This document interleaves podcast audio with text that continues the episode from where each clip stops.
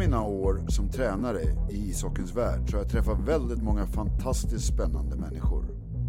Människor som har haft ett enormt driv och proffsighet. Människor som har gjort och velat mer.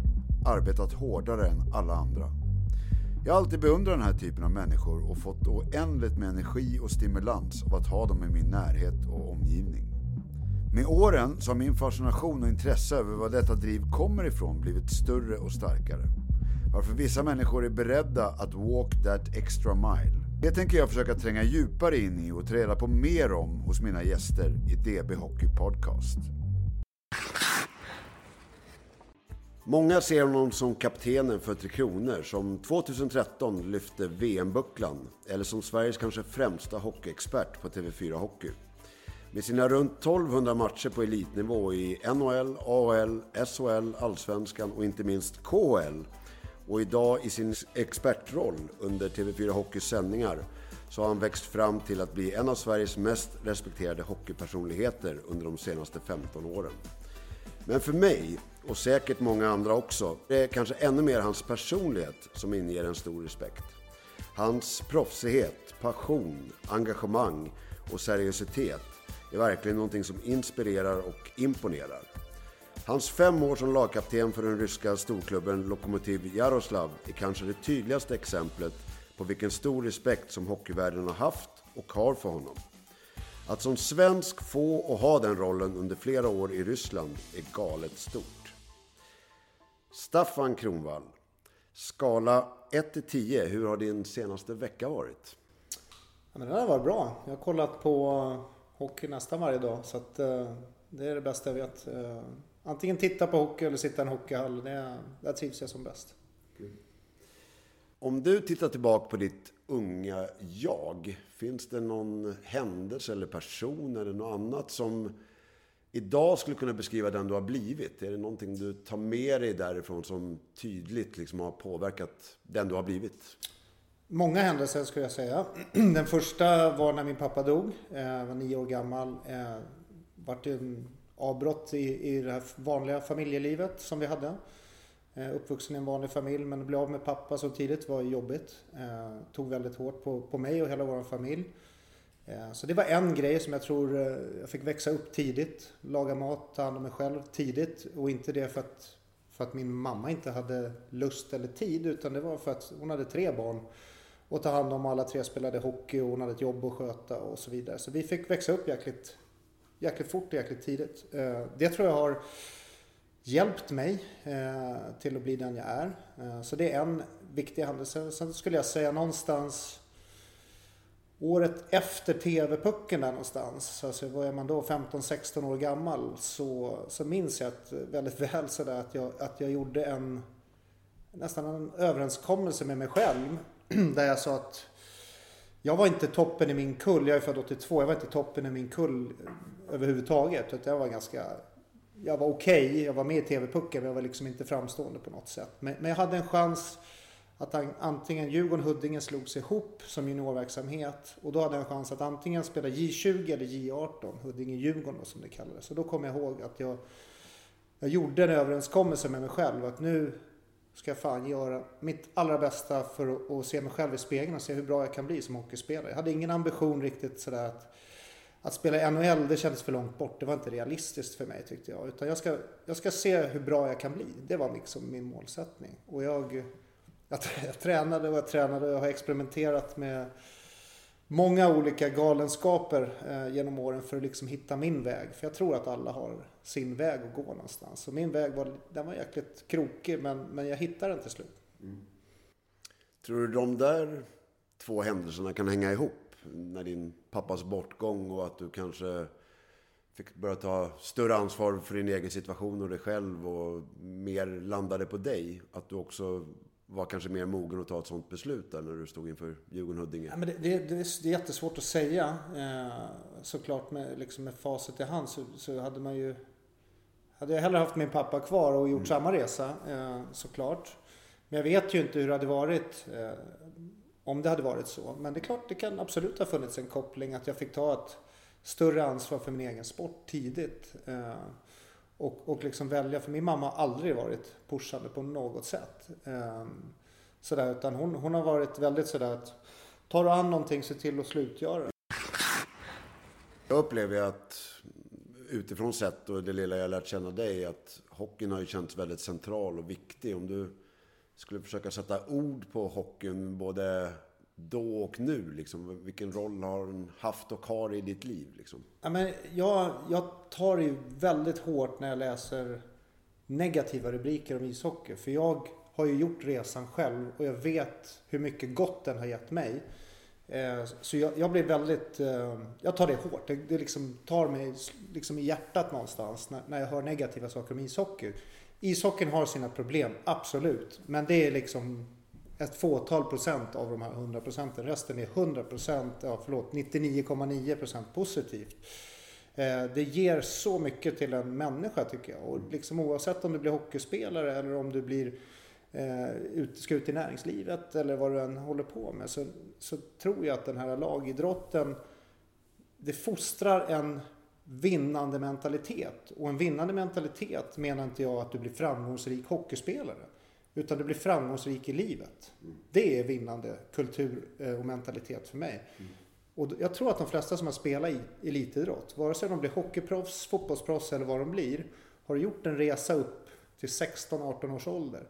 Så tror jag att du kan gå i historieböckerna så kan du se att de, de varit framgångsrika i något form, i näringslivet, i hockey, fotboll, vad det nu än är. Så tror jag att det har hjälpt dem otroligt mycket. Och där tycker jag att lagidrotten har ett jättestort ansvar, vilket de också jag tycker bevisar år efter år. Så att hockeyn betyder, ja, efter min familj, ibland så kanske de säger annorlunda, så betyder det allra mest i, i hela mitt liv faktiskt. Mm. Och det gör det fortfarande. Efter jag spelat så känner jag nästan att antalet timmar jag tittar på ishockey idag är ju mycket, mycket mer. Sen såklart när jag var aktiv spelare så, så vart det ju mera fysiskt och mera förberedelse inför match och träning. Men, men de timmarna jag lägger på att titta och analysera hockey är ju betydligt fler idag. Mm. Det var en fråga som jag hade planerat lite längre fram, men det är verkligen kopplat till det här identiteten. Att skapa en identitet som ung. Nu målade du upp en bild att du hade väldigt speciella förutsättningar när du var yngre med pappas bortgång och så vidare. Men just det du är inne på nu, det känner jag också när man jobbar som ledare och var sportchef i en ungdomsförening betydelsen av att ha någonting att luta sig mot när man ska forma den identiteten. Vem är jag? Eh, och där har ju verkligen lagidrotten, idrotten, en jättestarka, bra verktyg för att hjälpa unga att bli trygga i sig själva och lita på sig själva. Finns det några faror i att allt för mycket liksom identifiera sig med sin idrott? Och jag tänker nu dig som hockeyspelare, du, du har förmodligen under din uppväxt sett dig själv som hockeyspelare kanske först och främst, liksom, innan du fick familj och barn och grejer. Kan jag tänka mig. Finns det någon fara i det? Eh, jag har inte... Alltså, jag, jag har inte upplevt någon som helst negativt att spela ishockey eller vara i den atmosfären, utan snarare tvärtom. Du, du har känt en tillhörighet till någonting. Eh, du, du har känt liksom en laganda, en familj utöver din andra riktiga familj så att säga. Eh, såklart, som jag tror alla högpresterande jobb, eh, så har man upplevt en psykisk ohälsa. Men det kommer med jobbet. Eh, om du inte hanterar det, då går du inte hela vägen. Så enkelt är det bara. Det tror jag gäller samma sak om du sitter chef på ett stort bolag i näringslivet. Så har de mm. gått igenom tuffa perioder där du har en psykisk ohälsa och en stressfaktor som är extrem. Det är ingen skillnad mot liksom om, du, om du spelar ishockey och fotboll. Nu kanske det är mer extremt där du har miljontals folk som följer det, ditt arbete varje dag. Medan du kanske i näringslivet presenterar siffror eh, någon gång i månaden eller i kvartalet och så vidare. Eh, men jag tror någonstans att eh, psykisk ohälsa, tyvärr, eh, så, så kommer det med högpresterande jobb. Så det är väl det negativa. Eh, men samtidigt, känslan av att övervinna den är ju helt fantastisk. Mm. Och när du gör det, när du hittat den nyckeln hur du ska hantera det, är eh, otroligt tillfredsställande. Och i den här miljön så har man ju likasinnade runt sig. Du är, du är liksom inte helt ensam, även om det, det är kanske ditt ansvar att, att du ska genomföra saker och prestera saker. Men du har ju ändå en miljö där man liksom får support och man är, liksom strävar hyfsat mot samma sak i varje fall. Absolut. Sen känner man ju, känner jag nu när jag inte spelar längre, att jag känner mig ett ansvar att dela med mig av den kunskapen som jag har fått genom det här fantastiska uppväxten jag har fått i hockeyns värld. så känner jag ett ansvar att dela med mig av den. För att jag känner, jag känner liksom när man, när man slut, den dagen du slutar med hockey, då kan du hockey som bäst. Du kan sporten som bäst, men då kanske fysiken eller skador sätter stopp. Men det är då det är så viktigt att du liksom in i det där kretsloppet igen. Och, och kanske, för jag hade jättegärna fått den kunskapen jag har, jag har nu, eller hade när jag slutade, hade jag gärna fått när jag var 20. Hade jag fått den utbildningen, jäklar vad mycket bättre jag skulle ha varit som, som hockeyspelare. Och det tycker jag är vårt ansvar som har gått den resan, att försöka pränta in det i ungdomarna.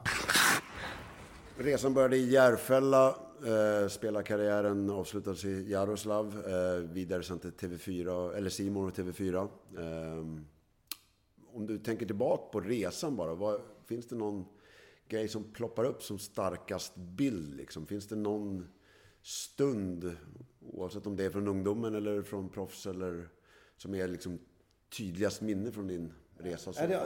Många eh, skulle jag säga. Eh, en kanske låter jättekonstig, men jag minns när min bror var över i Calgary och blev draftad. Eh, då åkte vi över, inte min äldsta bror var inte med, men jag, Niklas och min mamma åkte över. Och han blev draftad i första rundan. Då kommer jag ihåg att vi hade sån jävla kram, jag och brorsan. Att, det, det var känslomässigt och starkt. Eh, den sitter djupt inom mig än idag. Eh, mm. Det, och det, jag vet inte om det gav mig styrka, motivation, vad det än nu var. Så den minns jag liksom som väldigt, väldigt speciellt. Eh, jag blir till och med rörd när jag liksom pratar om det idag. Så stark var den. Och det hade inte ens med mig att göra, vilket är lite häftigt. Sen såklart sådana här liksom svar som, som alla skulle säga att ja, men bli utsedd till kapten i Tre Kronor var ju extremt stort. Eh, precis lika stort skulle jag säga var att vara kapten i ett storklubb i Ryssland. Det, jag vet att jag, jag, var uppe på tapeten ett, ett år innan. Eh, och, och, då sa presidenten bara tvärnej att det kommer aldrig vara en utländsk kapten i mitt lag, bara så du vet. Eh, hade han sagt till, till den dåvarande coachen. Och sen nästa år så så kom min nästa coach då och sa att du ska vara min kapten och sa lycka till och övertala presidenten. Det kommer aldrig hända. Han sa du, det här är mitt lag. Ja, så nu, nu gör han som jag säger. Och det blev så. Ja, så, jag, så jag var kapten där under fem år. Och det var, det, det var väldigt, väldigt stort. Eh, precis lika stort som eh, att vara kapten för landslaget. Det har det väldigt högt båda de titlarna faktiskt. Därför jag tog med det i min inledning där också. För jag tycker liksom med den kulturen och den eh, liksom den hockeyn och den hela miljön som finns i Ryssland. Att med din personlighet som jag lärt känna dig så tycker jag det, det säger så mycket om dig att du även i den miljön är väldigt, väldigt respekterad och man högt ansedd liksom. Så att jag tycker också det, jag håller med dig. Det är väldigt, väldigt stor grej om jag kollar igenom din karriär, att vara kapten. Ja, nej, men det, det, var, det var väldigt speciellt. Och sen var det ju extra speciellt med tanke på historien där om Jaroslav med klubben. Alltså hela flygkraschen och hela mm. det där. Så det var liksom... Jag kände mig liksom utvald på något sätt. Mm. Att du ska leda det här laget framåt. Och det, det gjorde att jag stannade i klubben under alla mina år. Trots att jag hade faktiskt betydligt större lönekuvert från, från andra klubbar i Ryssland så kände jag att nej men fan det här går ju inte. Det här är min klubb liksom. Det, jag kommer inte svika de här. Så att... Men eh, utifrån sett så, som jag var inne på tidigare, det känns som hockeyn är väldigt viktig för dig. Eh, den har varit väldigt central hela ditt liv. Eh, jag såg när du pratade om HVs försvarsspel här för några veckor sedan på TV. Eh, oavsett om det är det eller om det är dina söners hockeyspelande eller om det är den ryska hockeyn eller beskriver när du kramar om Niklas på draften där. Det känns som att det är en väldigt, väldigt viktig del. Vad, vad kommer den här eh, passionen, eller eh, vad ska jag kalla drivkraften? Vad, liksom, har du någon uppfattning vad det, varför har den blivit så stark hos dig? Nej, jag har inget bra svar på det. Men det, det börjar ju... Alltså jag tror hockey börjar som en kärlek och växer ut till passion någonstans. Eh, och, och, passion för mig det är ju... Det är ju driv. Alltså det är liksom... Att gilla någonting det är en sak. Men att göra vad som helst för att uppnå det, det är någonting annat. Och det är passion tycker jag. Att, att liksom... Att det finns inget annat val. Att det här är min väg att gå. Eh, och, jag måste göra det här för att uppnå det. Eh, men att peka på någonting varför eller liksom vad det är som gör att jag hittade den passionen. Eh, jag älskade att träna. Alltså jag älskar än idag att stå på is. Det är, det är hemma för mig. Ljudet när skenan skär liksom genom isen och, och sprutar den här snön. Alltså det, det är något vackert i det. Det är en, liksom en harmoni. Jag får liksom rysningar bara jag tänker på det. För det, det alla ljuden som förknippas, eh, Rolba rollba eller samboni eller vad man kallar det, den lukten är och, och, älskar nu när jag har egna barn får komma ut till de här små arenorna eller hallarna eller vad man ska kalla det. Eh, och, och, och liksom återminnas barndomen. Det är mycket, mycket härligare känsla än att åka till de här stora SHL-arenorna som jag jobbar i idag. Så, så gillar jag miljön ännu bättre när det liksom lite dålig belysning. Jag var i Rimbo här för någon vecka sedan. Det var ena ljusraden dålig så det var liksom skuggor på isen. Men var liksom, alla kör på ändå. Mm. Jag är uppvuxen på att spela utrinkar. Man spelar trots att man knappt såg pucken liksom. Och det är för mig kärlek. Eh, där började kärleken som till slut blev en extrem passion. För jag, jag gjorde extrema grejer för att, för att komma så långt jag kunde eh, med mina liksom, förutsättningar. Jag brukar prata om meningsfullhet. Jag, jag tycker passion och meningsfullhet är ganska nära besläktat. Uh, har jag en känsla av att det känns meningsfullt det jag håller på med, då blir det viktigt i ens liv. Och jag, jag tror att det kommer ju mycket från den miljö du har liksom formats i. Och det är de här barndomsåren. Du hade storebrorsor. Jag vet inte om du hade andra förebilder, men jag läste en annan intervju du hade gjort att det var mycket liksom uteisar, man spolade upp och man åkte dit och det var någon lampa som lös upp den mitt i vintern. Och jag tror att den här känslan av att det här känns meningsfullt. Man vill verkligen vara där. Det är så jäkla lustfyllt. Eh, när den får växa och drömmar får skapas i de miljöerna och liksom de här eh, bilderna om vad man vill åstadkomma får växa fram på ens egna premisser. Det kommer inifrån. Då tror jag det blir den här eh, passionen och meningsfullheten. Jag tror att många gånger kan ju en struktur och en förväntan utifrån kväva den. Men får man en balans i det här, att det blir på mina villkor. Och jag vet inte hur, exakt din relation till Mattias och Niklas, men just det här att man kanske har någon att se upp till. Det kan vara en pappa eller en storebror eller en granne eller... Jag tror mycket kanske kommer därifrån. Jag, jag vet inte hur du ser på det. Nej men absolut. Eh, jag menar jag jag fick inte vara inomhus. Det är, en annan värld vi lever i idag. Eh, spontanidrotten håller ju på att dö ut, tråkigt nog. Det finns inga uterinkar att åka till. Det är knappt så det finns allmänhetens åkning. Eh, och idag sitter barnen och ungdomarna framför skärmarna 90 av tiden. Den 90 procenten, den spenderade jag på gatan eller på en is. Mm. Eh, var det inte landhockey så var det en uterink. Eh, en fotbollsplan de spolade upp. Och när folk brukar summera mitt CV och säga ja men du har vunnit VM-guld och VM-silver och, och liksom AHL. Då brukar jag säga, vet du vad? Vet du hur många hundra jag har vunnit på de där? Jag har sagt liksom, jag har drömt och lekt att jag har spelat match sju i en Stanley Cup-final så många gånger och vunnit. Mm. Och förlorat också för den delen. För jag och brorsan, vi körde ju alltid hemma på gården. Så var det en mot en. Och det var liksom, okej okay, nu är det match sju. Det står 3-3, det är overtime. Och, och liksom, ibland vann man, ibland man förlorar man. Så att, Ehm, det är ganska häftigt när man ser tillbaka på det, eh, att man till slut fick vara med och vinna några stora grejer i alla fall. Ehm, men, men där är ju drömmen någonstans. Att du liksom fantiserar om det här, drar på dig landslagströjan, drar på dig en NHL-tröja. Vi hade ju planscher hemma på liksom Eh, Ray Bork var ju en stor förebild. Liksom. Och det var egentligen för att min äldsta bror var en Boston-fan och hade hela liksom, rummet tapetserat med Boston Bruins. Så då var det automatiskt att man liksom, ja ah, fan Boston är liksom. Eh, så att, men jag, jag, tror definitivt att eh, det är ett annat samhälle vi lever i idag, tyvärr. För jag, jag, saknar den där spontan, där man bara samlas på gården och kör. Sen förstår jag att, att det är svårigheter med det. Men, det är därför det blir så viktigt att man aktiverar barnen eh, och försöker hitta de här spontana eh, allmänhetens åkning tycker jag är kanske världens bästa träning. Mm. Men eh, är det strukturen, vi, vår, vi vuxnas behov av att strukturera saker, är det det som är en bov till att spontanidrotten försvinner? Eller är det just skärmarna som är Eh, jag, jag, jag, tror att skärmarna är en stor del. Mm. Jag tror inte att... Jag tror strukturerad träning är skitbra. Mm. Eh, men allt måste vara i balans tycker jag. Precis som... Eh, alltså hockey är som... Du liksom måste bygga grunder. Det som du håller på med bland annat. Alltså skridskoåkning och klubbteknik. Det är grunder. Sen måste man lägga nya lager tills du blir en hockeyspelare eller förstår det på spelet ishockey. Eh, det är, liksom, det är, lika, det är som att bygga ett hus. Du, du börjar med grunden. Har du inte förutsättningarna då kommer du aldrig kunna lägga taknocken heller. Liksom. Ehm, så det tror jag är jätteviktigt. Men jag, nej, jag tror att skärmarna är en jättebov. Det är, det är lite bekvämt samhälle vi lever i idag. Det är så enkelt med allting. Spelen är ju jätteroliga. Förstår att barnen älskar de här spelen. Ehm, sen tror jag att folk är karriärsdrivna på ett annat sätt idag. Ehm, jag tror att alltså föräldrarna tror jag liksom jagar karriärer och blir bättre liksom personlighetsutveckling på något sätt. Vilket gör att barnen kanske, de kanske är okej okay att sitta där vid skärmarna. Mm. Men det är en utmaning som, som jag tror alla idrotter... Eh, För jag tänkte just det du var inne på när du och Niklas spelade Game 7 på baksidan och jag känner igen mig själv. Jag kom hem från skolan och jag såg fram emot de här matcherna på baksidan. Liksom. Man nästan skämdes över att man sprang runt och var sportkommentator samtidigt. Men jag tror att det är i den miljön drömmarna skapas ja. väldigt mycket. Och det jag menar med strukturen, om det är för mycket strukturerad verksamhet så tror jag att det kanske inte riktigt ges utrymme för att skapa de här drömmarna. Jag tror att det är när vi leker, när vi liksom skapar våra egna miljöer, det är då det där frodas. Liksom. Det är då vi göder drömmarna.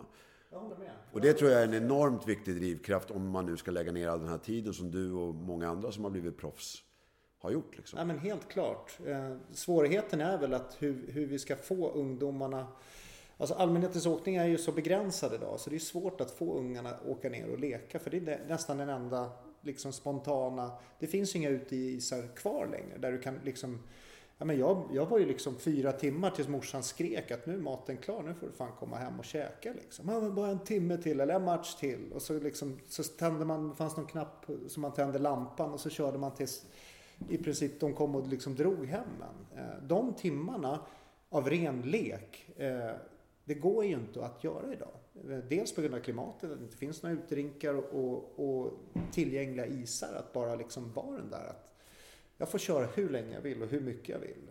För jag vet att jag hade, jag hade liksom tagit med mig maten och suttit bredvid isen och ätit bara för att maximera min istid. För så, jag tyckte att det var, eller ja, jag tycker fortfarande att det är så kul att vara på is faktiskt.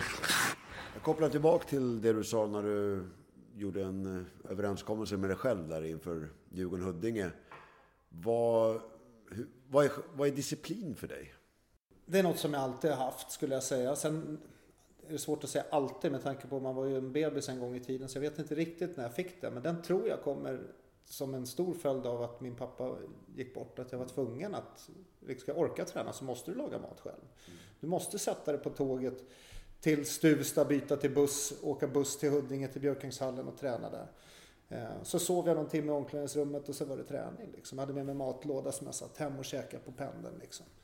Eh, så disciplinen var jag tvungen att ha för att träningen skulle ge någonting. Men, men jag hade ju alltid, när jag gjorde den där överenskommelsen, då, då gick jag från skolan till gymmet på skolan eller på simhallen som var bredvid skolan. Och sen satte jag mig på pendeln ut, så var jag ute först där. Sanne Lindströms pappa var materialare i Huddinge. Eh, så han och jag satt och fikade och så gick jag på isen i 45 minuter helt själv innan någon kom dit. För jag var där kanske vid halv fyra eller någonting sånt där. Körde 45 minuter själv.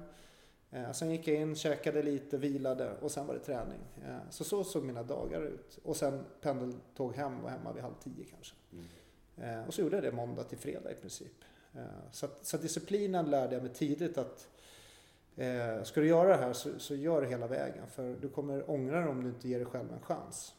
Och det behöver inte vara så pass extremt som att pappa lämnar och går bort. Men jag upplever att idag stöter man ju på väldigt många som lätt att hitta ursäkter till att inte göra det här lite jobbiga. Det som krävs för att det här ska bli bra i slutändan. Utan man skyller på annat och andra. Eh, hur kom det sig att du inte tog den vägen utan du tog den lite jobbigare vägen och verkligen gick till dig själv? För det är ju det som är disciplin tycker jag. Det är när du tar ansvar för din egen situation, tar konsekvenserna. Jag tror att om man gör en sån där, i alla fall för mig, eh, jag gjorde en sån där deal med mig själv på något sätt. Så var det varje gång jag började liksom så vackla så här, ah, men fan jag är nog lite trött idag. Då hade jag liksom som en jävel som satt uppe i huvudet och sa, nej vet du vad, du har fan bestämt dig för att göra det här. Då gör du det. Även om ditt bästa idag är 80% av ditt normala, så gör du det här. Eh, och det gav mig en jävla pannben. För jag var inte, som jag sa, jag var inte... Det var ingen som trodde att jag skulle göra den resan jag gjorde. Men mitt pannben blev tjockare och tjockare och... och jag, jag, brukar säga det till, till, till alla egentligen, alla människor, men framförallt hockeymänniskorna jag möter. Att den bästa egenskapen du kan ha som hockeyspelare eller som människa, det är att om du kan bli jävligt bra på att bli bättre då kommer det gå bra för dig. Mm. Så liksom, när du har uppnått ett mål, sätt upp ett nytt mål och jaga det jävla målet tills du når det. Och det var jag bra på. Eh, att jag gav mig inte. Och jag var jävligt envis. Jag tror att jag var mer envis eh, än min bror som gick mycket längre än vad jag gjorde. Eh, sen hade han en, en, en, annan resa, liksom en annan talang än vad jag hade. Men, men pannben, den, ja, den har jag haft. Mm. Och det vi är inne på nu, självdisciplin eller det du beskriver, det är ju det är liksom, det är vanor. Att ha vanor i vardagen. Och jag läste någonstans att när vi blir 30 år så är 95% av det vi gör, det vi tänker, är vanor. Det är saker vi har liksom nött in. Liksom, kroppen reagerar före det med, medvetna. Ja, jag tror jättemycket på rutiner. Jag tror ja. jättemycket på liksom Ja, men om, om jag går till gymmet och inte vet vad jag ska göra för övningar, då blir det inget bra. För då går jag runt och funderar, vad ska jag göra nu? Och, och sådär. Utan jag måste ha en klar bild av mig själv eller för mig själv. När jag går på gymmet eller vad jag nu än må göra så, så, vill jag ha en väldigt tydlig bild för att jag ska vara så effektiv som möjligt när jag gör det. Och, och jag var extremt Alltså folk pratar ju om vidskeplighet i ishockey som att du måste liksom sätta på dig höger benskydd först eller vänster skridsko först eller något sånt där. Alltså jag hade klockslag matchdagar, träningsdagar. Så att, och det var egentligen ingen vidskeplighet för mig. Många tror ju att man är dum i huvudet. Men för mig var det ett sätt att förbereda mig, kroppen, mentalt, att idag är det träning. Då gör vi så här, det här är, det här är schemat för träning. Då, då värmer vi upp den här tiden, vi kör de här fysövningarna. Vi går på is lite, lite tidigare än alla andra för att träna på de här grejerna. Så jag hade liksom klockslag för allting och, och likadant för match. Eh, och, och, inför match så började jag till och med kvällen innan så liksom kollade jag på motståndarna. Vad möter vi för något? Vilka sticker ut? Vilka är i bra form? Samtidigt som jag låg och stretchade framför TVn. Eh, så jag, där började min matchrutin kvällen innan. Eh, så att jag hade liksom en matchrutin, en träningsrutin. Och det är mycket enklare att kunna följa en sån. Det är som att laga mat. Följa ett recept än, om du ska freebasea. Det, det, blir, det blir svårt att få det att smaka gott. Eh, men om du vet du, hur mycket du ska ha av allt så, så blir det ofta al dente.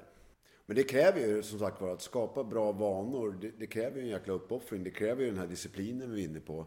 Det är lätt att hitta den här, när det regnar ute, att man hoppar över den där eh, rundan ute. Eller eh, har man möjlighet att snusa så är det lätt att ta den liksom. Att, att ta sig över de där trösklarna, det är det som det är ju den stora utmaningen att skapa bra vanor. Liksom.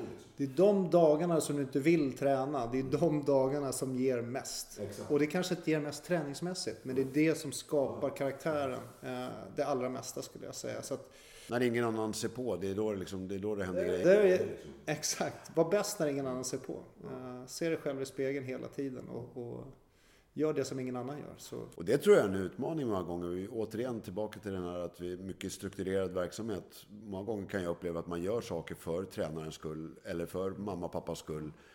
Och jag är så oerhört mån om att det här ska komma inifrån. Att i grund och botten ska det här vara för din skull. Sen ibland kan jag knuffa dig lite i ryggen i rätt riktning. Absolut, men det måste komma från dig. Eh, för annars kommer det inte funka i slutändan. Ibland behöver man hjälp över tröskeln, men... Precis, man måste skapa rätt förutsättningar mm. tror jag, som, som föräldrar för ungdomar och barn. Att man stoppar dem i miljöer där de kan växa och det finns förutsättningar att växa.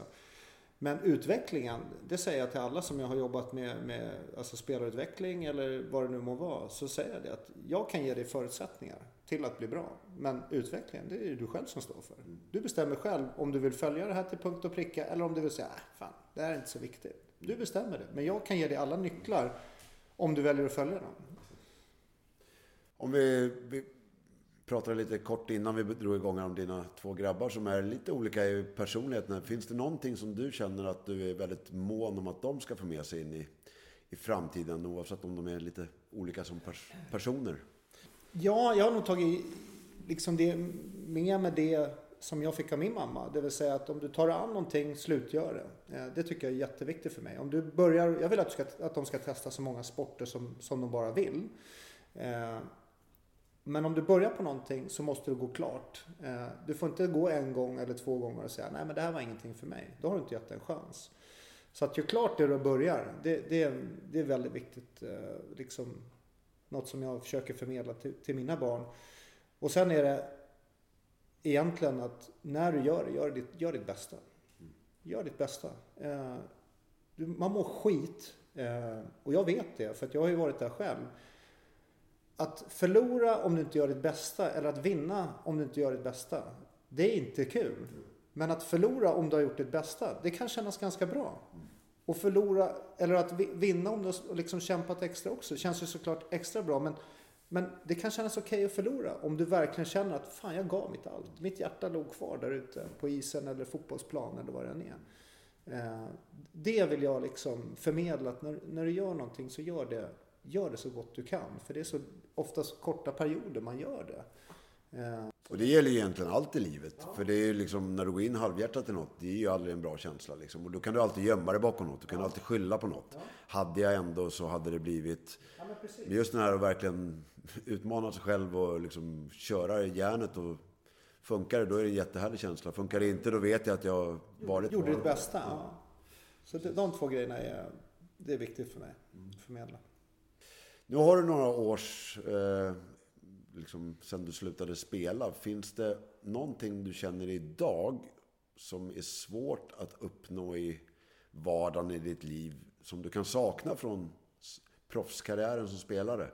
Ja, men jag får ganska mycket dos skulle jag säga. Alltså, inte på samma sätt, men gå in inför en stor match. Eh, den liksom spänningen i omklädningsrummet, eh, den kan, jag, den kan jag definitivt sakna. Att den här liksom, du har gjort dina förberedelser, du vet ungefär vad som väntar men det liksom ligger någonting i luften. Du spelar en viktig kvarts semifinal eller final.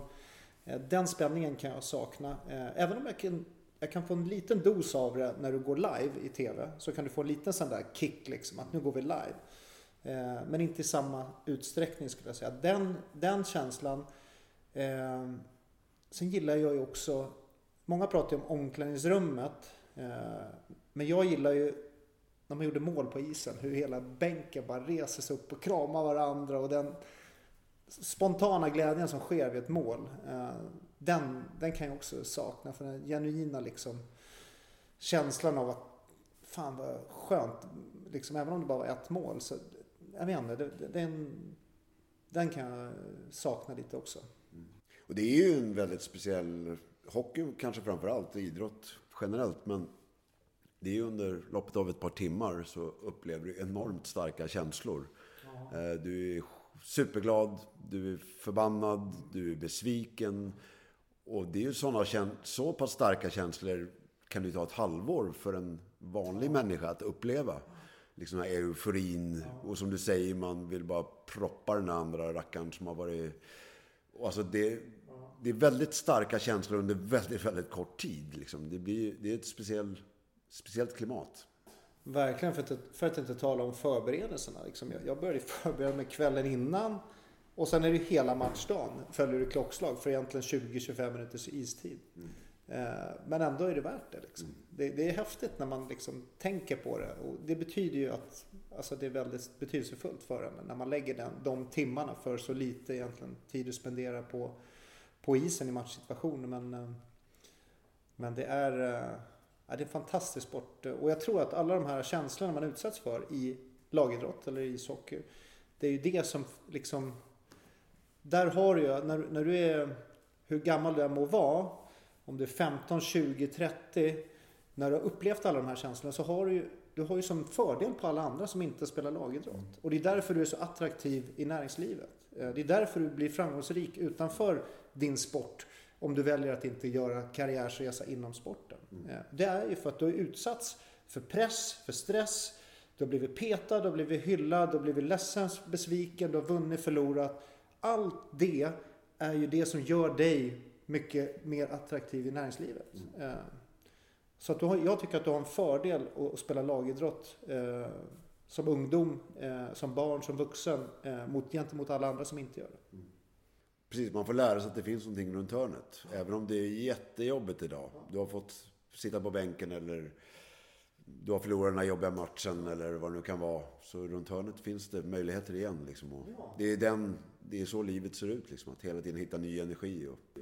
Precis, för när du går på en arbetsintervju och spelat lagidrott så går du på en arbetsintervju på ett företag och så säger du, du, inte, du platsar inte. Ja, men fan, jag, jag har ju fått det beskedet 20 gånger tidigare så det var väl inget konstigt. Jag går till nästa. Och så övertalar jag dem att jag ska med. Och liksom, du vet, så att den där drivkraften att okej, okay, de vill inte ha mig. Jag ska fan visa att de kommer ångra det här beslutet. Du har utsatts för det tidigare. Det är lagidrottens absolut viktigaste, tycker jag. Vad ser du framför dig i hockeyn? Liksom? Hur, vad är hockeyn på väg? Vad ser de närmaste fem, sex åren ut rent, om vi pratar elitnivå och även då riktat mot ungdomarna, vad ska de utbilda sig till? Eh, nej men jag, jag, som, som jag var inne på så tycker jag att vi... Jag är lite orolig för att vi tappar den här lagkänslan som vi haft i Sverige som varit våran styrka. Eh, och anledningen till det, det är att jag tycker att det finns hur ska jag förklara? Att, att idag är alla, det, hockey har börjat bli en individuell sport i en lagsport. Eh, och det gillar inte riktigt jag. Eh, jag tycker att vi, jag tror inte vi kommer få se en Joel Lundqvist, en Jimmy Eriksson, den här spelartypen. För de fasas ut alldeles för tidigt. De här pannbensspelarna som kanske inte har de tekniska eller skridskofärdigheterna som de här allra snitsigaste spelarna har. De är jag rädd att vi fasar ut för tidigt. Eh, som gör att de här kaptensämnena kanske inte kommer finnas. De här genuina kaptenerna som är liksom går pannbenet först, täcker skott för varje pris för laget. Eh, för, för, där tänker jag att många hockeygym är ute efter att hitta den nästa Elias Pettersson, eller nästa Jesper Bratt eller nästa William Nylander. Då tror jag att de här rollspelarna eh, liksom försvinner alldeles för tidigt. Och de är precis lika viktiga som de här stjärnspelarna när du bygger ett lag en dag. Eh, du behöver en femte back, du behöver en sjätte back. Du kommer alltid behöva en backgeneral och du kommer alltid behöva en rollspelare som gör skitjobbet eh, och vaskar fram puckar till de här stjärnorna. Eh, så det är jag lite orolig för. Mm. Och hur får vi det kollektiva fokuset att bli tydligare då? Var, var ligger det ansvaret? För jag håller med dig att det blir mer och mer individuellt. Och jag jobbar med det själv idag. Jag jobbar med individen.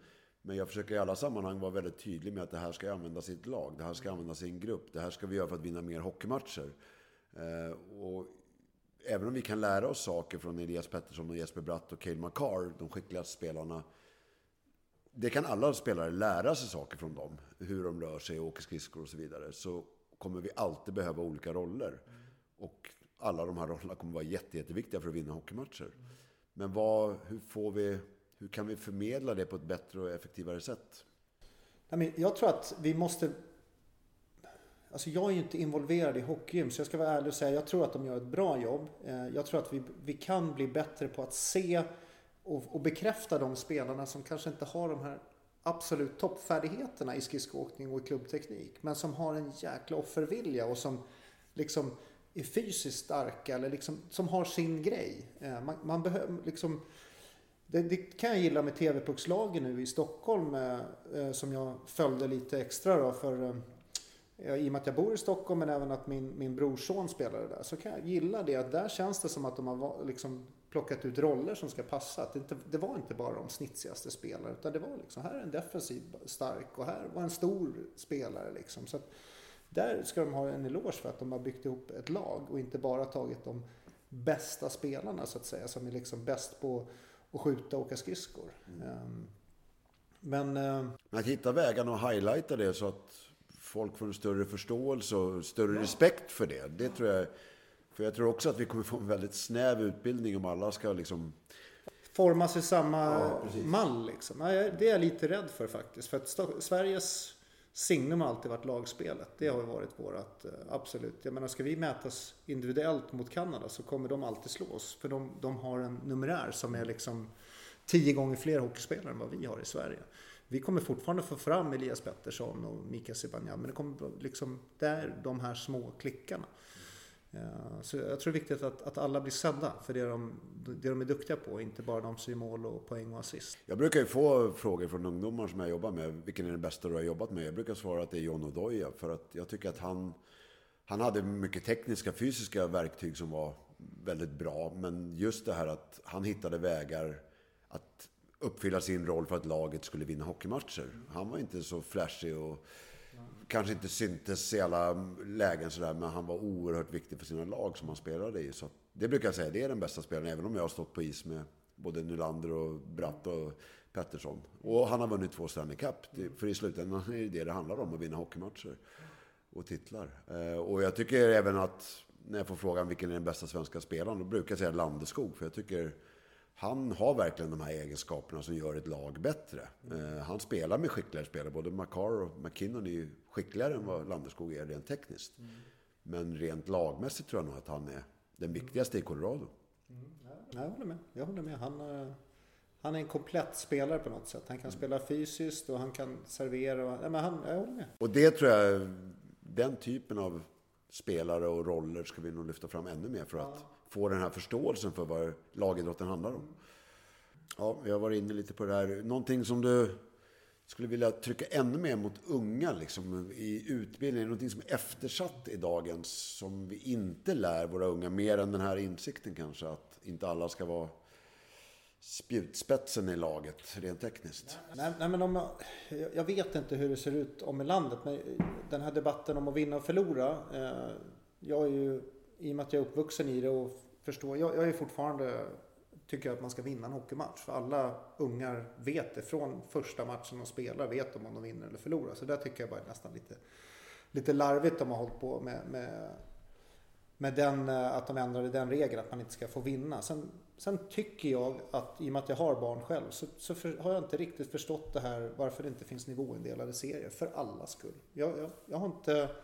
Jag har pratat med folk, jag har vänt och vridit. Men, men om man ska få så många som möjligt att fortsätta så länge som möjligt. Då måste alla få spela på sin nivå. Och det tycker jag inte att vi gör i, i Stockholm. Jag vet inte hur det ser ut om i landet. Jag tycker att det ska finnas nivåindelade serier. Sen förstår jag att det finns de här reglerna har ju skapats för att det finns idioter till ledare där ute. Eh, vilket är jäkligt synd.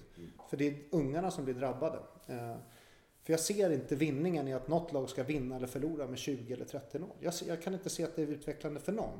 Utan man vill ju ha så jämna matcher som möjligt för att det ska ge så många som möjligt. Och det tycker inte jag att vi har här. Så där tycker jag att det är en jätteutmaning de har i, i Stockholm i alla fall. Som, som de måste försöka vrida till. Eh, för att om, om jag hade förlorat varje match med 20 eller 30-0, då hade inte jag tyckt att det var kul att spela hockey. Eh, får aldrig röra pucken, får inte liksom jubla och göra mål. Eh, så där tycker jag att man måste hitta eh, bättre vägar att gå.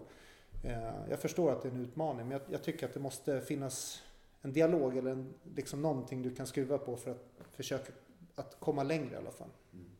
För återigen, det var ju där dina drömmar började formas när det var Game 7, game seven hemma på baksidan. Liksom, och då är det ju liksom do or die och avgörande målet. Ja, jag, vet, jag förstår komplexiteten i för att det är många som...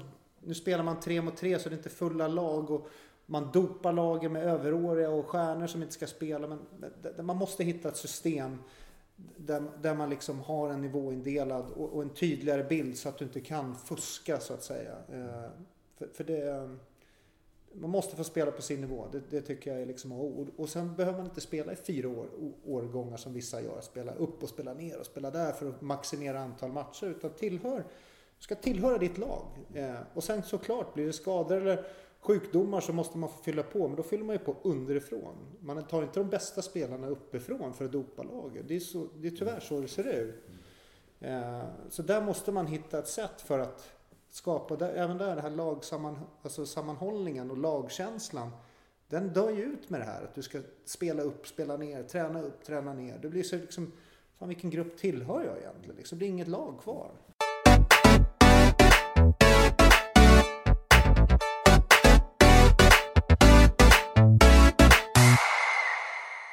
Vi bryter av med några korta snabba bara. Gretzky eller McDavid? Jag säger Gretzky. Gammal eller vad säger man? Gammal är äldst. Mm. Toronto eller Jaroslav? Jaroslav. Eh, vem har bäst pers i bänk bland kronvallarna? Mattias, Niklas eller Staff? Definitivt Mattias, min äldsta bror. Han är överlägsen etta där kan jag säga. På alla fystester. Eh, den var en maskin faktiskt. Eh, och är fortfarande för den delen. Han är nog fortfarande starkast av oss, eh, den jäveln. Ja. Almis, skillsgnugg eller försvarsspelsövningar? Almis, varje dag. För att? Om vi ska ta det igen, du var inne på det tidigare. Nej men den lekfullheten, spontaniteten. Det är ingen som säger åt dem att gör, gör så här, gör så här, åk runt den konan och sen gör du den här finten och sen skjuter du på bortre. Eh, utan de får verkligen öva till sig vad som funkar. Eh, och jag tror att, att du blandar alltid åldrarna där. Du kommer, vilka är här idag och kastar klubbor och ibland är det några som är fem år äldre, ibland är det några fyra år yngre och det, det spelar liksom ingen roll. Och, och det jag gillar med, som jag faktiskt, faktiskt testade på, på en träning, när vi var ganska få på en träning eh, själv med, med, med laget här ute, så fick de välja tröja och kasta klubbor. Det är precis som Almis. Eh, men det, det det ger är att du måste upp med huvudet. Mm. Du måste veta vem du spelar med. Och det är precis samma som på Almis. Jag experimenterade lite med det där och det funkade faktiskt jäkligt bra. Eh, sen när man är en stor grupp så, så förstår jag utmaningen. Men vi var bara åtta stycken på den träningen. Vilket gjorde att jag tyckte det var lite roligt att se hur pass väl det funkar. För det var precis som en allmänhetsåkning fast vi hade full utrustning och det var bara killar från laget. Men det gör ju att du får tvingas titta upp, blicken upp hela tiden och veta vilka som är i ditt lag. Och sen var det först till tre och så bytte vi lag igen. Då var du tvungen att liksom komma ihåg, okej okay, vilka är mitt lag nu? Så att du kopplade på någonting i huvudet där som jag kommer nog göra mer av. Jag håller helt med dig. Almus är ju det är verkligen en källa till liksom kreativitet och lust och drömmar och allting.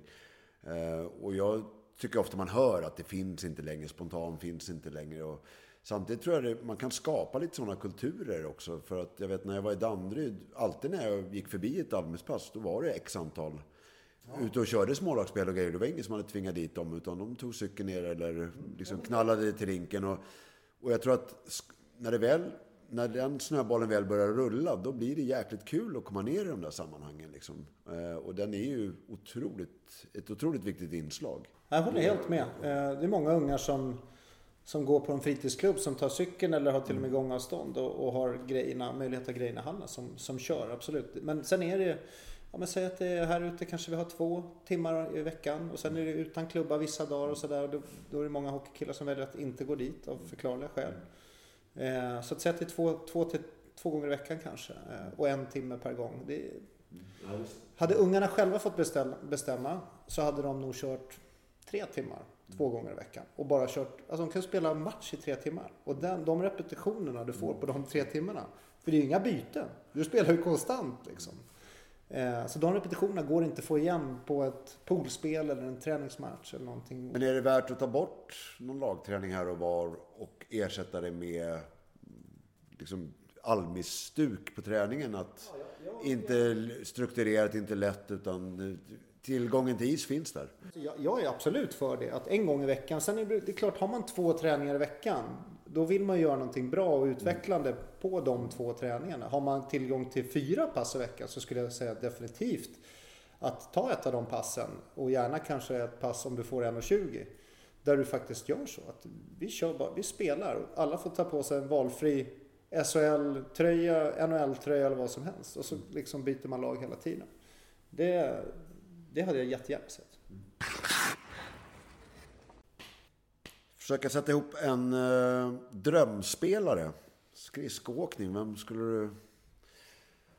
Vems skridskoåkning tänker du på när jag tänker bästa tänkbara skridskoåkningen? Oj. Ja, det är ju...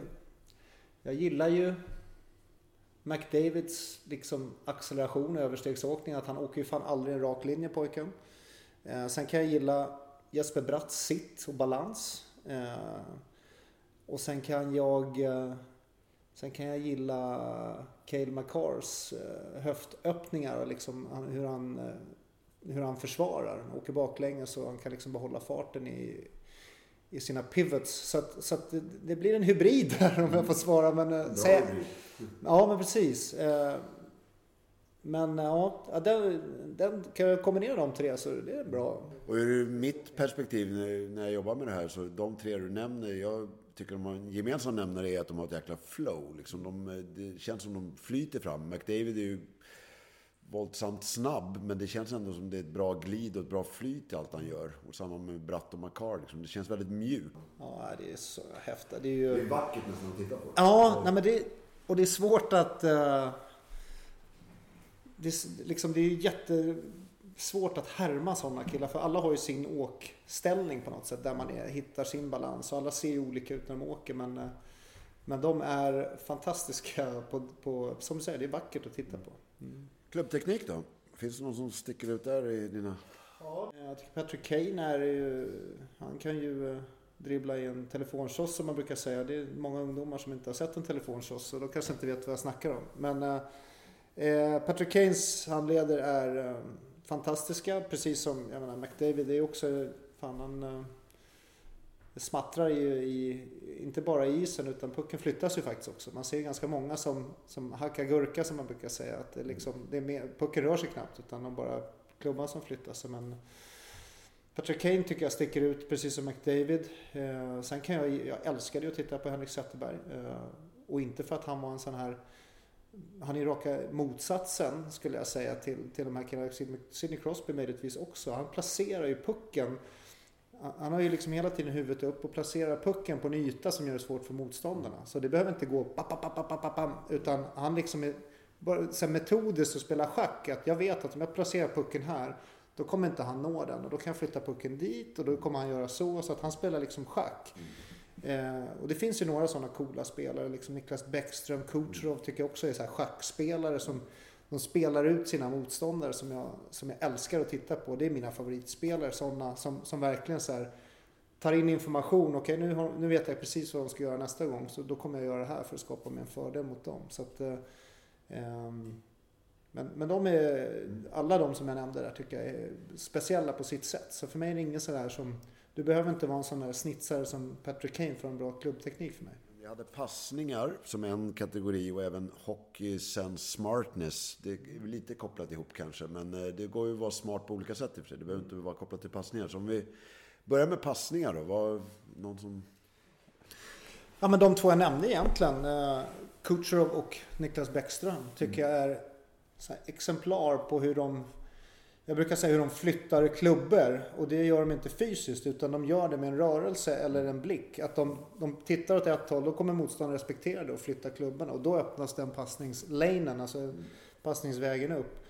Eh, jag gillar, som jag var inne på, jag gillar verkligen att se sådana spelare som tänker och analyserar hockey. Liksom. Att, att de, det, det, finns en dimension till än bara det här snabba bam, bam, bam, bam, bam. Så finns det en så här, ta in informationen, Gör det du kan, processa informationen och så kommer du fram med, med rätt spel som jag brukar säga. Det, de bästa spelarna de, de, de, spel, de lägger alltid rätt spel och det jag menar är att det, ofta så finns det ju tre passningar att lägga men det finns bara en som är det absolut bästa och det är det de bästa spelarna är bra på att prioritera vilken ordning de ska liksom skanna av saker. Eh. Jag brukar ju prata om att man styr fötterna om du är skicklig. Liksom. Du kan styra fötterna på motståndaren men precis som du säger, Bäckström genialisk på att styra klubban. Och en hel hockeyvärld vet ju att den här passningen till Ovechkin kommer komma. Men han har de här små nyanserna som gör att han kan öppna upp den passningen. Liksom. Och du har en uppgift, det är att stänga bort den passningen och ändå lyckas han liksom dyrka upp den med att flytta klubborna. Liksom. Precis, och det är det som är så häftigt. Att, att alla vet ju precis att det är den passningen de når. Och ändå under, vad, 15 års tid eh, har de inte lyckats. Mm. Och då är man ju bra på riktigt. Liksom. Det är de här små, små nyanserna som när man verkligen drar ner i slow motion, då ser man var det är han tittar och den där lilla axelrörelsen. Det, det är en viktig grej i ishockey som jag tycker också, som jag pratade om där, att lära sig spelet i ishockey. Att kunna vilseleda motståndarna. För att när du frontar en spelare så ser du allting bakom han, men han ser ingenting bakom sig. Och då kan du göra att, att du tittar åt ett håll fast det är ingen där. Så kan du öppna upp en yta för din kompis och köpa han en halv sekund i sitt beslut. Precis. Och så, det är så man sågar sig fram. Som sagt var, vi, de gick in lite varann. Smartness, vi pratade Gretzky tidigare. Var, har vi någon Gretzky-spelare i dagens hockey som sticker ut i smartness och hockeysens?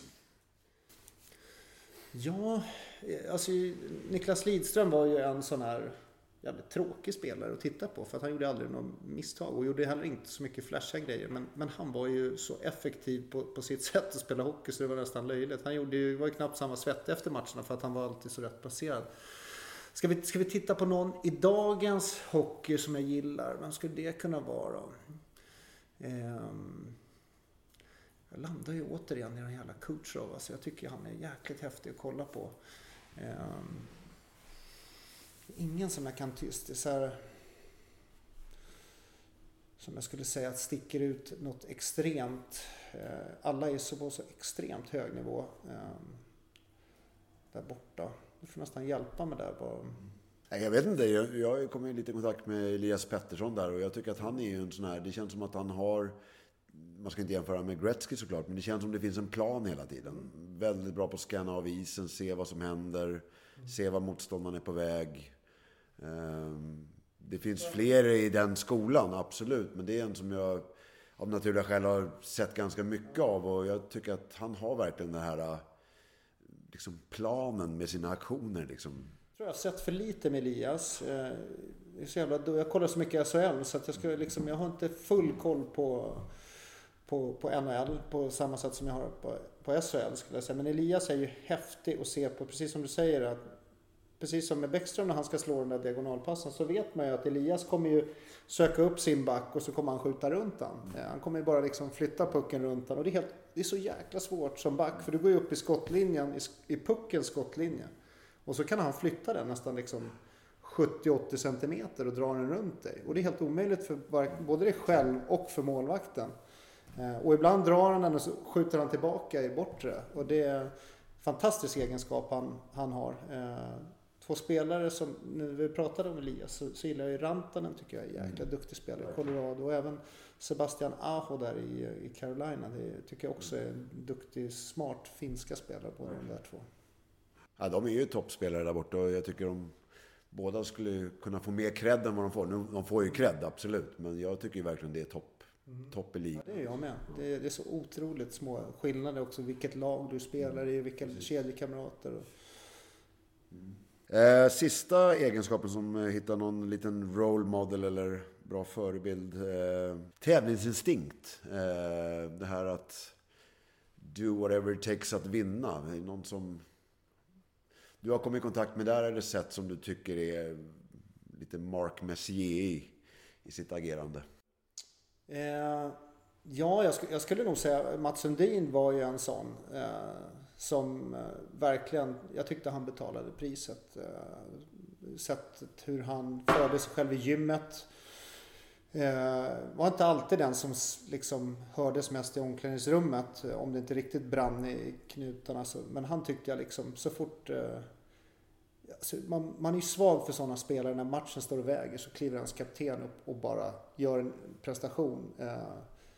Och, liksom löser åt laget. Eh, och Mats var en sån som alltid gjorde viktiga, stora mål. Eh, och det, det, det värderar jag extremt högt. Eh, var inte den som liksom slängdes och täckte skott med huvudet före. Det var det inte. Även om han täckte skott så var han ju mer en sån här liksom...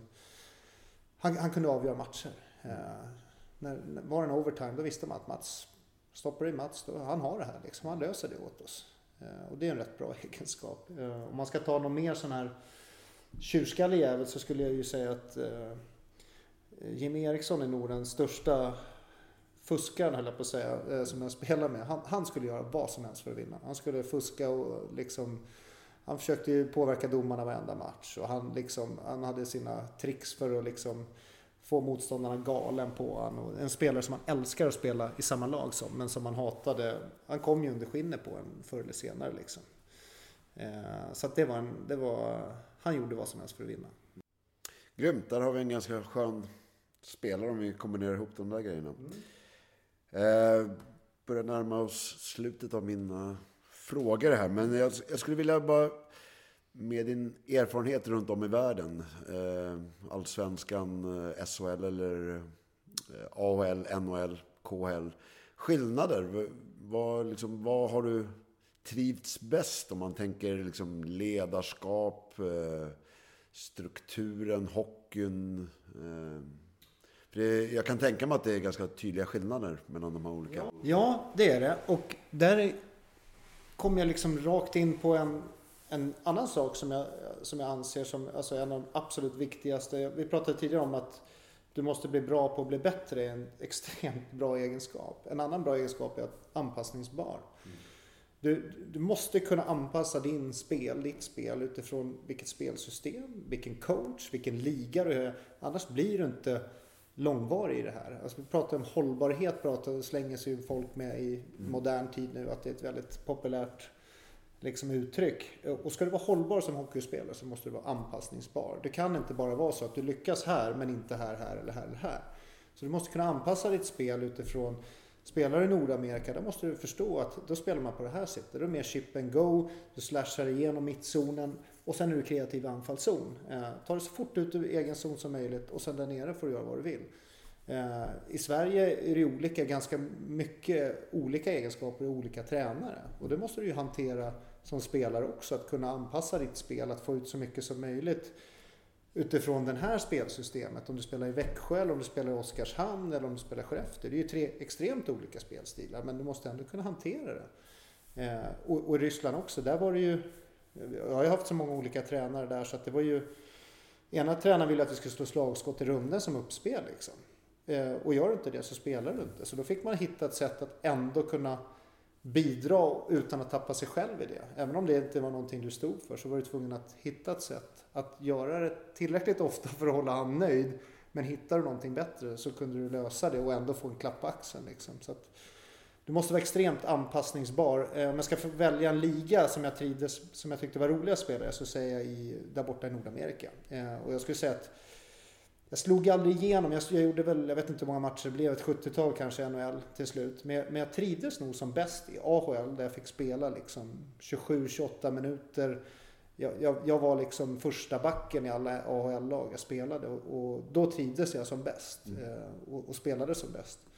Eh, och jag tyckte den ishockeyn var, var rolig när det gick snabbt och det var inte så mycket styrspel liksom. Mm. Jag vill bara förstärka det du pratade Jag gillade verkligen det här med anpassningsbar. Liksom att du anpassar dig utifrån kravbilden och förutsättningarna som finns. Så att jag brukar säga det till ungdomar. För det här är, om vi ska koppla tillbaka till vad ungdomar kanske behöver lära sig om de ska ha en bra resa här. Det är ju just det du tog upp där. För att du kanske kommer ha 20 tränare. Fem av dem kommer du tycka är fullständiga idioter. Fem kommer du nog tycka är ganska bra om. Tio kommer vara helt okej. Okay. Mm. Men du måste lära dig att spela under alla 20 om du ska få ut någonting. För att om du bara konstaterar att det där är en idiot och sen går åt något annat håll, ja då, då har du inte vunnit någonting på det. Så att, jag tror det är en jätteviktig egenskap om du vill bli en långvarig hockeyspelare, att lära dig att spela under coach. Tror jag med. Likväl som att spela med olika, säg att du är en vinge och spelar med en center. Du kanske är van att spela med en left-center. Ja, då är du, som högerforward, då är du van att bli matad puck. Är du vänsterforward, ja, då, då, får du inte lika mycket puck. För då har du en backhand och, och, och, blicken är inte lika bra åt det hållet. Det måste man kunna anpassa sig till. I anfallszoner du kommer in, är du van att ha en, eh, som, som högerforward och ha en right. Eh, center. Och då har du direktskott i, i, i högt i slottet. Då måste du prioritera den. Har du inte det, då kanske någon annan som är din första prioritering. Det måste man som hockeyspelare veta för att kunna skapa sig maximal liksom, förutsättningar och köpa sig själv tid. Jag tror inte att, att utbildningen är tillräckligt spetsig idag på många ställen. Vissa ställen absolut. Men att kunna förstå sina för, fördelar beroende på vem man spelar med. Och om du spelar som, säg att du är en leftare och spelar högerforward. Ja, vad har du för fördelar då? Ja, men du har ett skott ifrån mitten i anfallszon. Men hur, du skyddar pucken bättre i, i försvarszon. Hade jag varit forward, då hade jag gärna spelat höger. Eh, för, jag, för jag hade kunnat skydda pucken långt i anfallszon. Jag hade kunnat köra bommen. Mm. Frånvändning så kan jag hitta slottet på ett bättre sätt gentemot om jag var vänsterforward. Mm. Sådana grejer måste man, tycker jag, liksom, kan vi få ut den kompetensen tidigt så att ungarna förstår det. Eh, så tror jag att svensk hockey kommer bli väldigt mycket bra fortare. Alltså awareness och ja, medvetenhet av hur spelet liksom fungerar. Det tror jag, jag nämnde John Odoja tidigare, vi har ju kört de här backcampen ihop. Där är egentligen nyckelordet, det är medvetenhet. Mm. Vad händer om? Om du gör så, vad kommer hända då? Om du istället gör så, vad händer då? Och hela tiden måla upp de här bilderna så att man skapar ett medvetande vad som händer ute på isen. För att det är väldigt trångsynt. Det är väldigt mycket strukturerade lösningar. Vi säger till dem vad de ska göra. Men att få den här förståelsen, det tror jag är en jätteviktig nyckel. Tror jag med. Och sen tror jag att man måste utvärdera sig själv, men även motståndare. Eh, när jag pratar med, med spelare så säger jag, men vad, vad var det som gjorde att du blev bra? Då sa jag så här, men vet du vad? Jag, jag var bra på att bli bättre. Jag var bra på att bli anpassningsbar. Men det, det som gjorde mig allra bäst, det var att när jag mötte spelare som var jävligt bra så, så tog jag in den informationen eh, och så kunde jag utnyttja det i sin tur. Mm. Så att jag, jag brukar säga Patrice Bergeron och eh, Brad Marchand, de lärde mig att skydda triangeln i, i boxen. Mm. För Bergeron, han kollade alltid upp på backen och så bara small det en passning till Bergeron på goal line. Eh, och gick alltid igenom min triangel, eller två gånger, tills jag liksom, ah, okej okay, nu vet jag, nu kan jag det här, bra, det här utnyttjar jag det. Och sen eh, Pavel Datsuk, han var ju extremt bra på att vilseleda. För han kunde ju titta upp i taket och gå åt något annat håll, eller gå, nästan gå mellan ens ben. Men han visste att, tro inte på något han, något han säger eller något han gör, utan han kommer göra raka motsatsen. Så där fick du liksom hela tiden vara liksom, det var liksom så, så här katt och råtta-lek med han. Eh, Toresen, Tony Mortensen var också väldigt intressant om man studerar dem vad de gjorde. Extremt intelligenta spelare som satte liksom i system hur de flyttade pucken, hur de sköt på mot. Alltså i powerplay kunde de skjuta med flit på bortre benskydd så visste de de visste, eh, to, nej, det var Tony som sköt och Torsson gick han alltid bort till stolpen. Och man visste det efter två gånger. Så det lärde man sig också. Men att plocka in den kunskapen som alla andra har för att bilda dig själv. Och det är awareness. Ja. Då, då är man ju där och reflekterar, man tänker, man ser vad som händer. Istället för att man bara kör och gör som tränaren säger. Ja. Jag tror att det är ju precis det, vi, de dörrarna vi ska försöka öppna för de unga. Att liksom, får man lära sig att reflektera och se vad som händer. Ja, jag känner mig ganska klar där. Någonting du som har... Jag kan prata ett par timmar till. Ja, men, men, jag förstår att eh, vi båda har ett schema att sköta. Men absolut, det var jätte, jätteroligt. Jag älskar att prata hockey. Och mm. Du möter ju ungdomar dagligen och, och gör liksom, skap, sätter de här grunderna, foundation som man bygger hus där man mm. börjar. Liksom. Så att, eh, och, och, mina grabbar kör med dig ibland också. Så att, eh, du gör ett bra jobb där. Mm. Väldigt, väldigt glad och tacksam att jag fick komma och prata med dig. Tack snälla Staffan.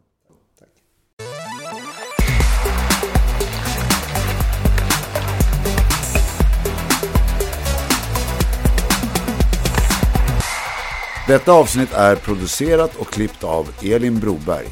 Musiken är gjord av Dennis Karlsson.